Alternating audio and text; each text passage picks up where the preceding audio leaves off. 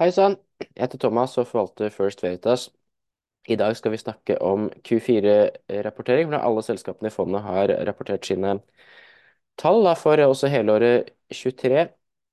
Jeg kommer til å gjøre det her eh, alfabetisk, så hvis noen er interessert i selskapet litt lenger ut i alfabetet, så er det bare å spole seg fram dit. Eh, Men aller først, eh, disclaimeren. Alt jeg sier skal bli sett på som markedsføring. Gjør alltid egen analyse. Husk, eh, alle selskapene her er jo i fondet, så jeg, jeg eier jo alle sammen. Så da har man en slags iboende positiv bias på det. Jeg bruker en modell for å forhindre eh, min egen confirmation bias å komme fram i forvaltning, så eh, dette fondet er basert på hardtastatall tilbake eh, kvartalsvis eh, ti år i tid.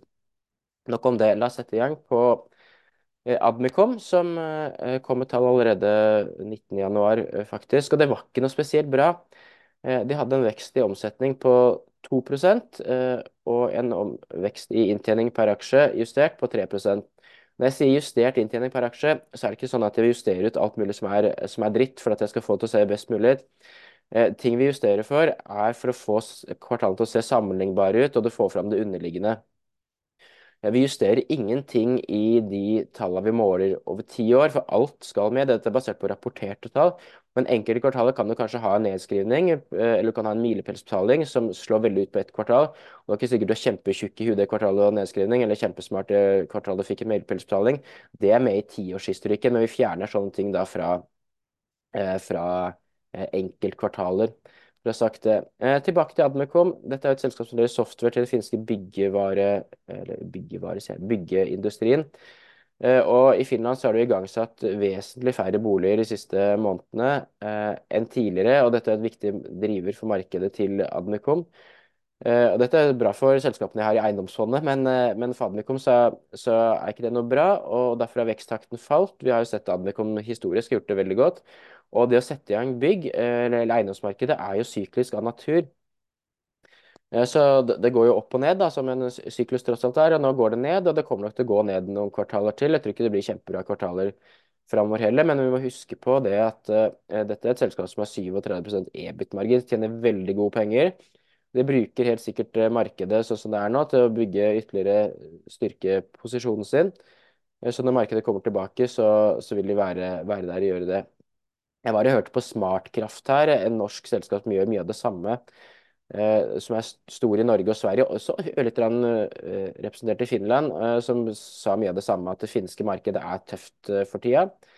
Eh, og derfor så Nadnikom sier at de guider sin ARR, eller Average Annual Recurring Revenue, som det heter, som er et sånt tall jeg ikke er så glad i, men uansett. eh, Basen sine inntekter da, skal vokse 5-10 eh, eh, i år, men margin som er var det 32-37 de sa, som peker på at du får et ørlite grann Eller de leverte øvre del av den rangen for som var, da, så kanskje marginen går litt ned. Så er ikke det så verst. Og når det er markedet på et eller annet tidspunkt kommer tilbake, så tror og håper vi at Admicom kommer til å være med på det. Når jeg sier tror og håper at jeg er med på det, så betyr ikke at jeg legger inn i modellen at ja, ja, det blir kjempebra inn i 2025 f.eks., men vi baserer dette på tiårshistorikk. og på, I løpet av ti år så har de hatt noen gode år, og, noen ikke fullt så gode år. Og, og det skal ligge ligge liksom til grunn. og Nå det, går det kanskje gjennom noen år som ikke har vært fullt så bra som de tidligere. Så det må vi komme gjennom, og det, det er jo en del av måten å, å investere på. Eh, og litt på samme måte faktisk med neste selskap ut, som er AF-gruppen, hadde et svakt kvartal. Eh, de hadde 3 fall i omsetning og 31 fall i justert resultat. Og her eh, må jeg bare si det med at her, her gjør vi en eh, justering. AF-gruppen de kaller jo ingenting for one-offs. De kom med tall i går, og da kom også Tomra med tall. Tomra hadde jo masse one-offs, de også. De sier at ja, den ene var på 350 millioner, den andre var på del millioner. Hvis vi skal kunne gjøre dette identisk på tvers av selskaper, så må vi også legge inn justeringer der det er riktig å, å gjøre det. I AF-gruppen så, så sa de at det er et tresifra antall millioner som er i nedskrivninger i kvartalet. Da legger vi rett og slett 100 millioner til grunn, som vi kaller for en one-off. Det er da selvfølgelig med i de ti åra, så, så justerer vi ingenting. Da skal alt med. Du har et drittprosjekt noen ganger, eller kanskje flere drittprosjekter, og shit happens, det er en del av totalen. Det er kanskje ikke at du gjorde en, kjempedårlig jobb akkurat det kvartalet som du tar nedskrivninga.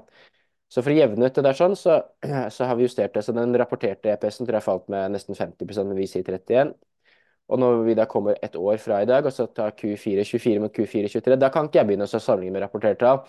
Da må jeg bruke det jeg justerte da i 24, sånn at ikke vi eh, jukser på det. Det ville vært et rødt flagg, eh, i hvert fall sånn jeg ser på selskaper og sånn. Jeg håper folk ser på måten vi forvalter på også. Uansett, så, så sagt det var det et uh, svakt kvartal, og i dag så har AF-gruppen marginer som er uh, ikke tilfredsstillende. Den ligger på under 4 og historisk snitt er på 5% Så når vi sier da at deres syklisk justerte PE på 13, så er det da lagt med historiske marginer til grunn. Noen selskaper tjener mer penger enn de pleier, noen selskaper tjener mindre penger enn de pleier. AF-gruppen er det siste. Og når vi gjorde den der vi slo sammen syklisk fase og PE, da, sånn at vi får en syklisk justert PE, så vil modellen på et vis bli mer robust. At vi tåler at uh, selskapet kan ha enkelte kvartaler som er, er, svake, uten at det plutselig så er inntjening massivt ned og PE da massivt opp, men at det, modellen ser på et mer langsiktig bilde på det. Det blir litt sånn reasons i bias man kanskje har noen ganger. at å, fytti rakkeren, sommeren i fjor var dritt, og det kommer, kommer det alltid til å bli. Eller det var gjerne kaldt i år, så kommer det til å bli. Tiårssnitt er kanskje et bedre utgangspunkt, og derfor tror jeg modellen også har blitt mer robust av det. Eh, og vi har verken kjøpt eller solgt aksjer i AF-gruppen etter eh, de kom med tall. Atlas Copco har vi litt mindre unnskyldninger å, å skylde på. Og for å ta det samme resonnementet her, sånn, så de har en syklisk justert P på 26,5, som er litt høyere enn faktisk P på 25,2, for de tjener mer penger i dag enn det er gjort historisk. Dette funker i begge retninger, for å, for å ha sagt det. Det er ikke bare sånn at vi justerer til de som tjener mindre penger. Atlas Coco er et, et, et, svært selskap, det er det største noterte i Sverige, tror jeg faktisk, som har eksistert siden 1877, om jeg ikke husker gærent. Vokser som rakkeren for det. De vokste topplinje eller omsetning med 12 år over år. Vokste inntjening per aksje med eh, 21% Så det er kjempebra. De driver med primært og lager utstyr til fabrikker, typisk sånn elektriske ting. Eh, og den divisjonen som heter Compressor Technique, som er den største, lager bl.a. Uh, utstyr til å komprimere uh, naturgass, eller LNG. Og Det har blitt veldig mer, mer, aktuelt etter krigen med Russland og Ukraina, der det å frakte flytende gass, eller komprimert gass, har vært mer relevant. Så det har vært en bra sak for dem. Men de lager også en del ting til andre fornybare energiting, sånn som jeg ikke kan så mye om, f.eks. carbon capture eller eh, lage deler til fabrikker som lager elbilmotorer, som også ville vært eh, et bra marked å, være i. I tillegg så har du den divisjonen som heter Vacuum Teknikk, som lager utstyr som du i stor grad bruker til eh, fabrikker som lager chipper. Eh, og det er jo, også et syklisk marked, men som har fått et bra oppsving da, i det siste av eh, AI-bølgen, som eh, selskaper som TSMC og ASML nyter godt av, og da Atlas Copco leverer til de en type sånne hakk og spade-selskap som gjør det godt. Eh, Framover så, så har ordreinntaket vært noe svakere. Det er jo sånn at disse leverer mye service og reservedeler, rundt en tredjedel som er, er det. Og at eh, ordreinntaket hopper mer opp og ned enn den faktiske omsetningen. Og de har en bra backlog fortsatt. De rapporterer ikke hva det er. Når vi sa å akkumulere opp ordreinntak over tid, unnskyld, ja, ordreinntak over tid og inntekter over tid, så er vi den e, første minus den andre. Så ser vi at de har en god ordrereserve som gjør at de bør ha god uh, bra utvikling i topplinje også fremover. framover. Og så vil vi se når ordretaket snur igjen. Det, eh, det blir spekulert at det kommer til å snu oppover igjen da gjennom eh, 2024, så, så, får vi se. Avanza er eh, det største selskapet i fondet. Dette er jo da eh, si Sveriges svar på Nordnett. Det blir kanskje helt feil å si det. Det er jo ca. like stort som Nordnett, men det er kun i Sverige. Så sagt med at Det er mye større enn en Nordnett i Sverige. De er rundt 1,9 millioner kunder. Og enkelt sagt så har de tre eh, forretningsområder. Det første er kurtasjeinntekter, som de får fra handel av aksjevaluta.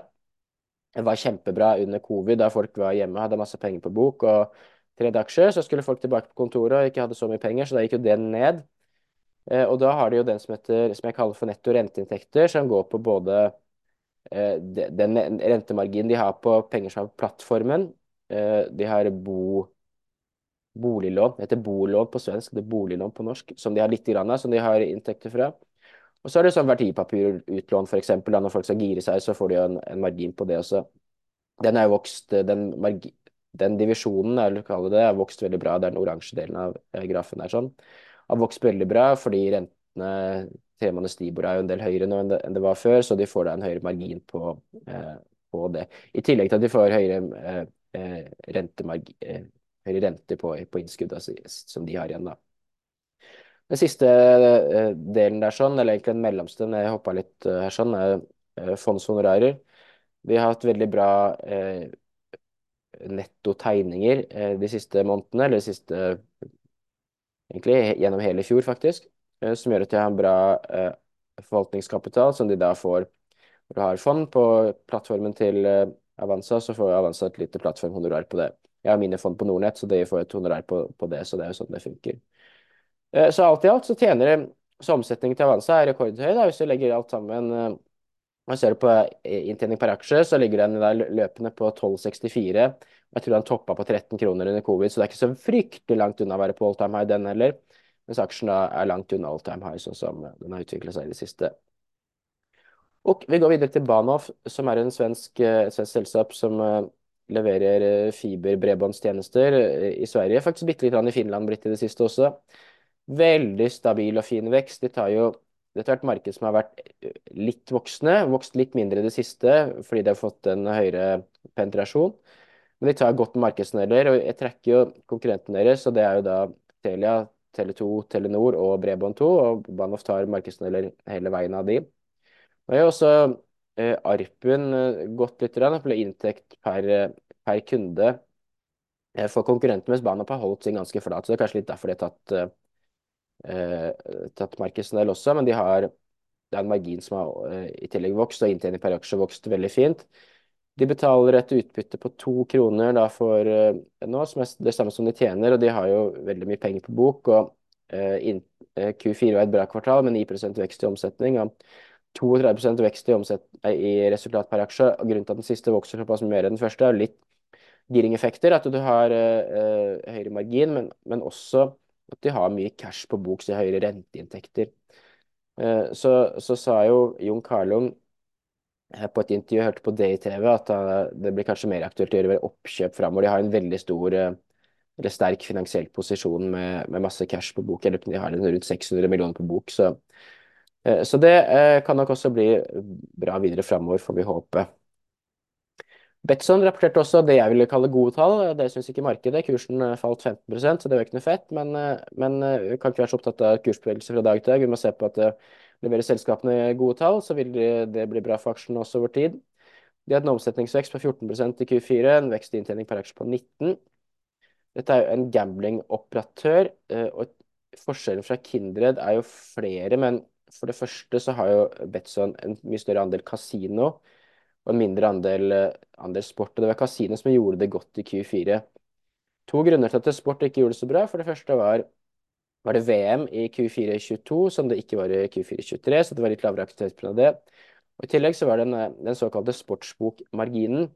Vil si hvor mye setter eh, operatøren igjen med av det som eh, det blir betta. da, og Hvis det er veldig mye kundevennlige resultater, så ville Betson tjene mindre, og, og vice versa. I Q4 så var det veldig mye kundevennlige resultater. Det er typisk når favorittene vinner eller blir mange mål, så er det kundevennlig. Jeg sitter jo stort sett og håper på at en fotballkamp skal bli 0-0, for da er det ingen som scorer. Hvis du gjetter på en eller annen spiller skal score, kan du være sikker på at han ikke scoret i hvert fall. Eh, og samtidig så, så, så, håper man jo på både, både uavgjort at uh, favorittene taper, er jo bra for, for uh, operatøren, da. Så House always wins, som man sier. og Det går litt opp og ned. og Det, tjener, det er alltid en positiv sportbokmargin, men det var lavere da i Q4 enn han har pleid å være. Og Så kom det som en trading update. Jeg bruker ikke så mye tid på det. Uh, fordi de, og Da sier de hvor mye av inntektene har vært så langt i Q1 per dag, sammenlignet med per dag i hele Q1 året før. Og Da, da blir det jo litt sånn skeivt. Jeg skjønner ikke helt hvorfor de gir det engang, men Seinere i Q1 så kommer jo Champions League i gang og andre ting som gjør at det blir ikke så relevant å sammenligne. Men, men den var opp 5,9 og, og, og det var, jo lavt, da. Sånn sett. Men jeg tror ikke vi skal legge så veldig mye vekt på det, på det uansett. Så vi har faktisk kjøpt litt med Betson eh, etter de kom med. I Biogaia så har de, de, har for vane å komme positive profit-warninger. Det har de gjort mange kvartaler i det siste. Det gjorde de ikke i Q4, så jeg skulle kanskje frykte at det ble et dårlig kvartal. Det ble det ikke. Selv om 9% vekst i omsetning var noe lavere enn de foregående kvartalene, så vokste inntjening per aksje med 32% litt også fordi de har mye cash på bok og høyere renteinntekter, men det var bra marginutvikling. Fin utvikling i en del asiatiske land som Japan, Kina, eh, India også bra utvikling i, i USA, så vidt jeg husker, mens uh, Syd-Europa, som et annet stort marked for de var litt, uh, litt slappere. De har jo tidligere vært litt lumpy, som man kaller det, fordi de har hatt store ordre som kanskje en stor kunde eller distributør kjøpte masse i Q3, så kjøper de ingenting i Q4, for det hadde de allerede nok. Eh, men når de har blitt større og fått en mye mer større andel på online-salg, sånn som de gjør gjennom Amazon f.eks., eller iHerb, tror jeg, og sånt, så, så vil det javne deg litt ut, så du får litt mindre eh, svingende kvartaler. Eh, men alltid hatt et bra kvartal, og et problem med Big Eye er at jeg har hatt altfor mye cash på bok, syns jeg i hvert fall, som de har vent, eh, hatt for at de skal vente på å gjøre gode investeringer og oppkjøp, som ikke har skjedd. Bare sagt at vi, vi ser mindre på oppkjøp. Eh, de betaler 6,90 utbytte, som er mye høyere enn da de 3,77 som de tjente, så da betaler en del eh, ekstra cash ut.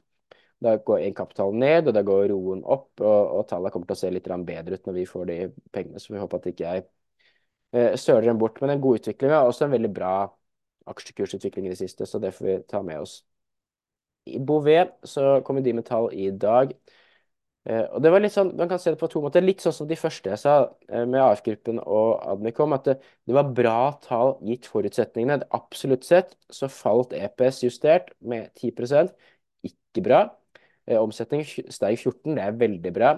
Og Det er to grunner til det som primært. og for det eller egentlig tre, men for det første så var det en arbeidsdag mer i Q4 i fjor, eller sagt på en annen måte en dag mindre i år, som er viktig for eh, konsulentselskapene. og Det slo negativt eh, med en del millioner, og samtidig kom denne arbeidsgiveravgiften inn, som også slår negativt. Jeg tror det var et par og tyve millioner jeg, som jeg så her, som, med negativ effekt. Eh, som da kom i Som da ikke kom med justert for det. Det justerer vi ikke for, for det er, det er jo reelle ting. Det justerer vi ikke for. For jeg har sagt det, så ville resultatene vært bedre.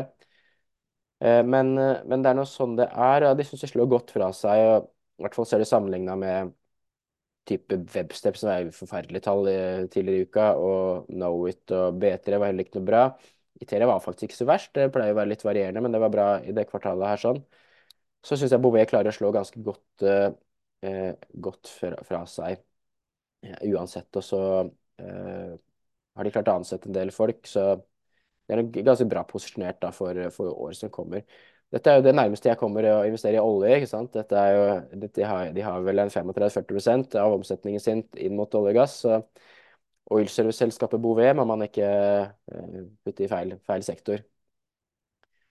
Ok, Koloplast. Uh, de leverer medisinsk utstyr eh, som er veldig lite syklisk til eh, hele verden. Og det ser, viser grafen her også, at det er veldig lite svingninger i det.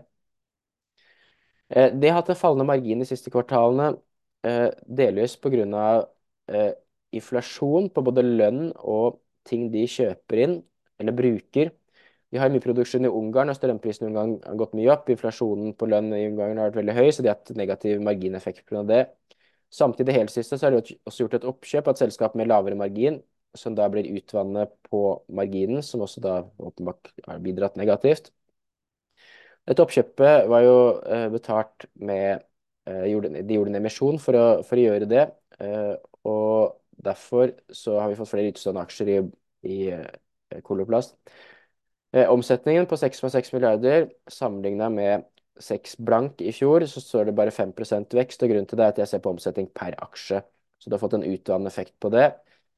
Og EPS-justert også ned 5% Så dette er ikke noe bra tall nå, men det er også litt sånn som har snakka om tidligere, at eh, gjør, gjør, oppkjøp, du gjør investeringer som kanskje ikke umiddelbart eh, teller ut i at du får kjempegod økning i inntjening, men det er litt dette bygge sten på sten. og i kvartalet så kursen slo veldig godt ut.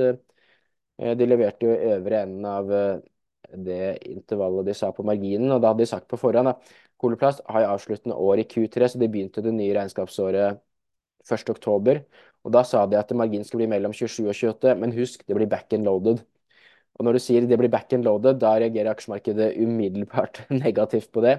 Så det kom jo faktisk i øvre del av den rangen i Q1, og det tror jeg var mange var overraska over. Og da blir kanskje totalen for året, så kommer også det enn i øvre del av rangen, så det var ikke så, så gærent uh, uansett. Uh, hvis vi hopper videre til Evolution, dette er jo live casino og, og slåttleverandør. Uh, B2B, da, så du kan si Betson og, og Kindred vil være kunder av Evolution. Eh, Mange kan mye mer om Evolution enn meg, så jeg tror jeg stopper der. Eh, De leverte en vekst på 16% på omsetning. Det- De sa at det var store negative effekter av valuta, men det, det er noe sånn der. Noen ganger er det positivt, noen ganger negativt.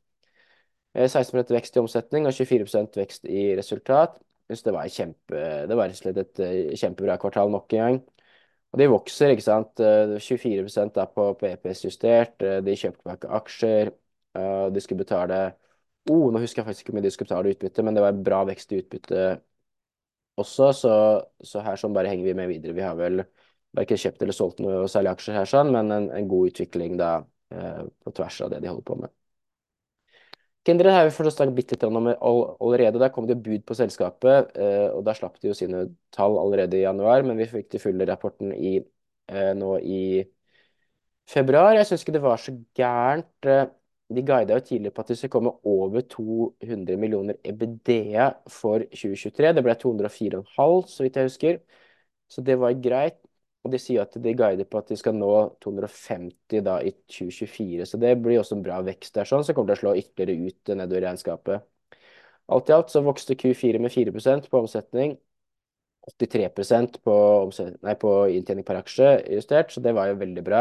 Riktignok fra et litt lavt kvartal i fjor, da det var VM uansett, så det var ikke et så dårlig kvartal. Så jeg syns egentlig det var eh, en fin utvikling for, for Kindred. Og man sier at dette budet kommer til å gå igjennom, og så veit ikke. Nå skal de rapportere i hvert fall Q1 og Q2, tror jeg, kanskje til og med Q3 før budfristen går ut. Og hvis de fortsetter med den trenden de har gjort nå, så, så vil jeg ikke si at det budet er spesielt, eh, spesielt generøst. Så vi har fortsatt aksjer i Kindred. Riktignok en av de mindre selskapene i fondet, det er modellen som styrer alt, så selvfølgelig.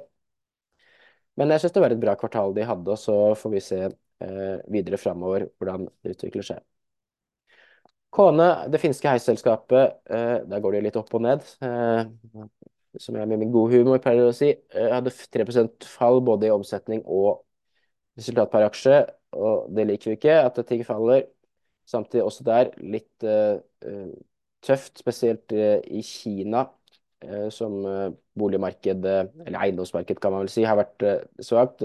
Kina er jo rundt 30 av omsetningen til Kone, så det, så det, betyr jo en del for dem. Men de hadde veldig bra ordreinntak i, i Kina. Jeg tror hvis jeg ikke husker gærent, så var markedet ned 10% i Kina, mens Kone var opp 30 de tar, de tar da vesentlig markedsandel sånn, eh, på nysalg, og vi vet jo at alle disse heisene de har installert der borte allerede, de krever jo service og vedlikehold, som, som vil gi det et veldig godt marked også i Kina i, i lang tid framover. Så, så, der så var det en bra kursreaksjon, selv om tallene isolert sett ikke var så, eh, så bra. Så vi henger også med der. Kindred og Kona er de to minste selskapene vi har i fondet for øyeblikket. Noe nordisk eh, eh er jo verdensledende på diabetesmedisin, også da blitt fedmemedisin i det siste. Den lille blå delen av grafen nederst til venstre sånn, viser jo at obesity vokser bra, er en veldig veldig tidlig fase. Ledende produkter på det. Fantastisk utvikling, rett og slett. De vokser inntekten, eller omsetningen sin med 38% og EPS med 50% Det er sjukt bra. Uh, og ser vi over lang tid, så har jo da inntjening per aksje økt fra rundt 5 kroner til 18 kroner eller for 5 kroner for 10 år siden til 18 kroner nå, og aksjekursen har, har fulgt med.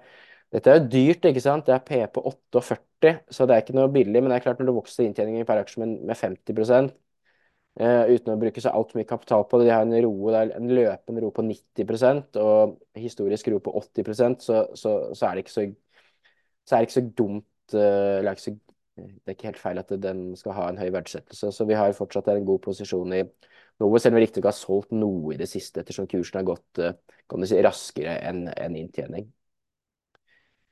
Jeg nærmer oss eh, slutten, men vi må gjennom et par-tre til. og Vi begynner da ta videre Pandora. Uh, jeg kan ikke så mye om uh, smykker, for, å si det sånn. men vi har rota oss inn i selskapet likevel, heldigvis, for det har vært en fabelaktig investering. Kursen bunna ut på under 400 kroner. Nå er den i 1100, så det har vært en, en superbra investering i det siste. Og Man kan jo tenke seg, hvis du ser verden ovenfra, da, med, med, høy inflasjon, folk har dårligere råd eh, Smykker er ikke akkurat det som kanskje så mest interessant ut, men de har levert utrolig bra tall.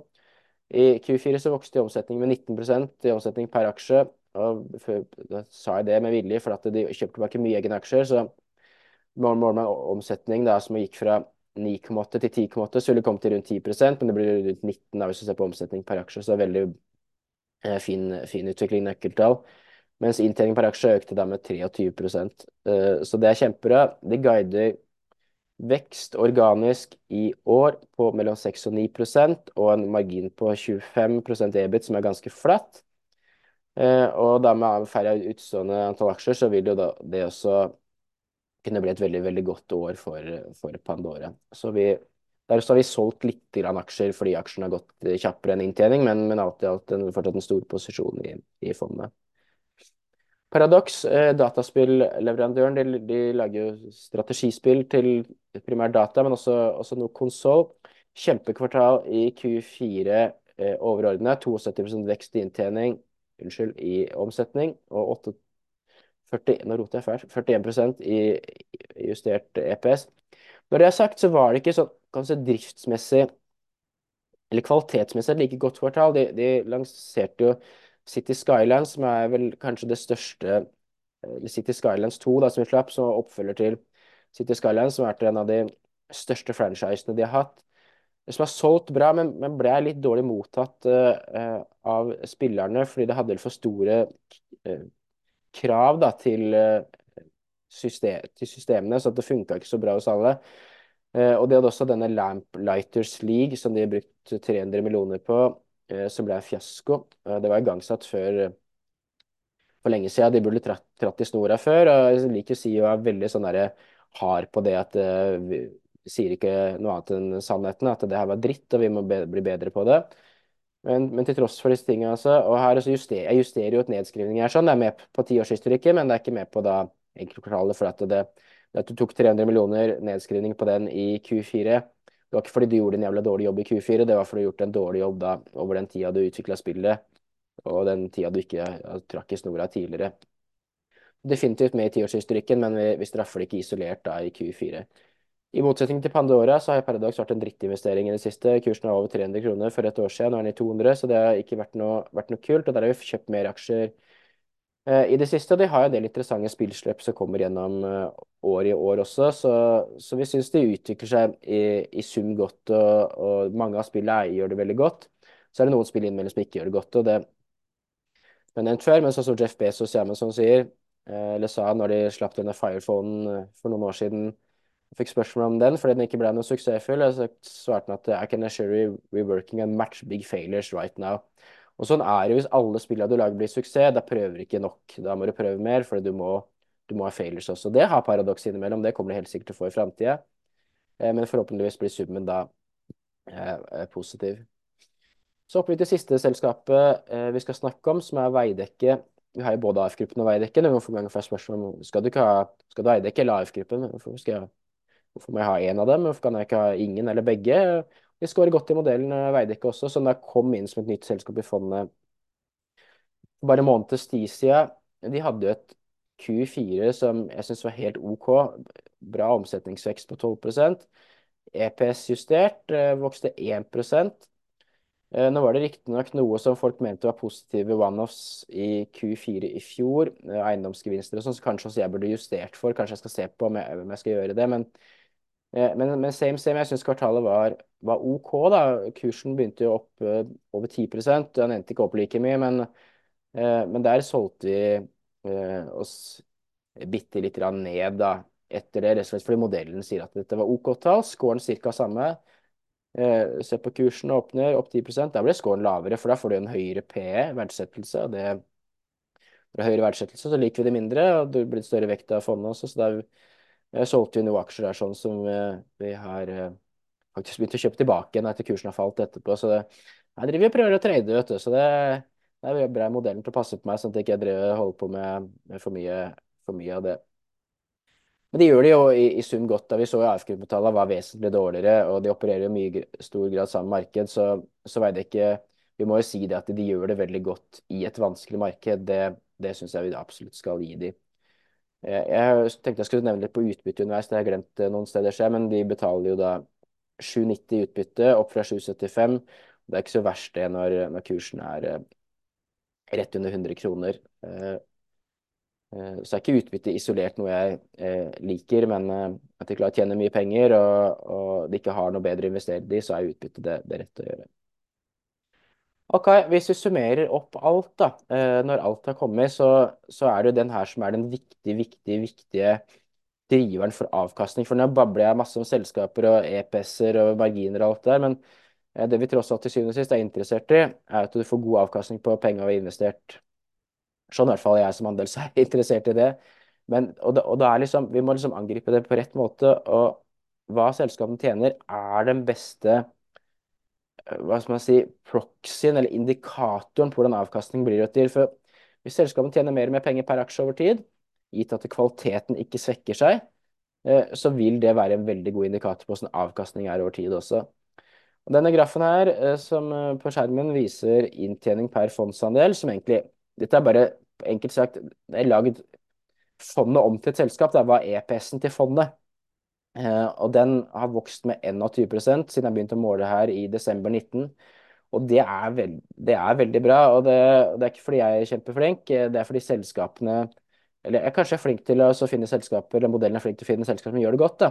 Det er selskapene som, som gjør jobben for oss her, og som gjør det så godt. Og den hadde et stort hopp i januar, og det var litt fordi jeg kjøpte inn Betson og Veidekke, som kan du si bidro med mer inntjening enn det vi netto solgte ut.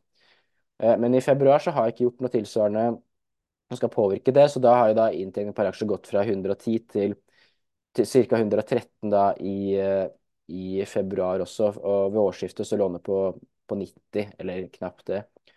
Så med de 21 så, så henger det ganske godt sammen med at eh, avkastning til fondet har vært litt, like over 20% også over tid. Så de to vil kunne avvike på, eh, til tider. eller markedet blir euforisk, så, så, vil jo avkastning bli høyere enn inntjening. Altså når markedet er deprimert, så vil jo da typisk eh, avkastning bli lavere enn en den er. Så over tid skal de følge hverandre godt, og akkurat nå så er de veldig eh, tett med hverandre. Så Q4 var et bra kvartal. altså vi har selskap, vi, Det vil aldri være sånn at alle selskapene leverer dødsbra. Jeg syns de aller fleste selskapene leverer godt gitt rammebetingelsene, også de som har, har det vanskelig, kanskje med unntak av AF-gruppen. da. Så, det, så gjør, gjør, de det godt gitt rammebetingelsene, og de som har middels til gode rammebetingelser, leverer veldig godt. Så det eh, får vi bare sette pris på. Så får vi håpe eh, denne gode utviklinga til selskapene eh, fortsetter. Så da var jeg ferdig. Takk for nå.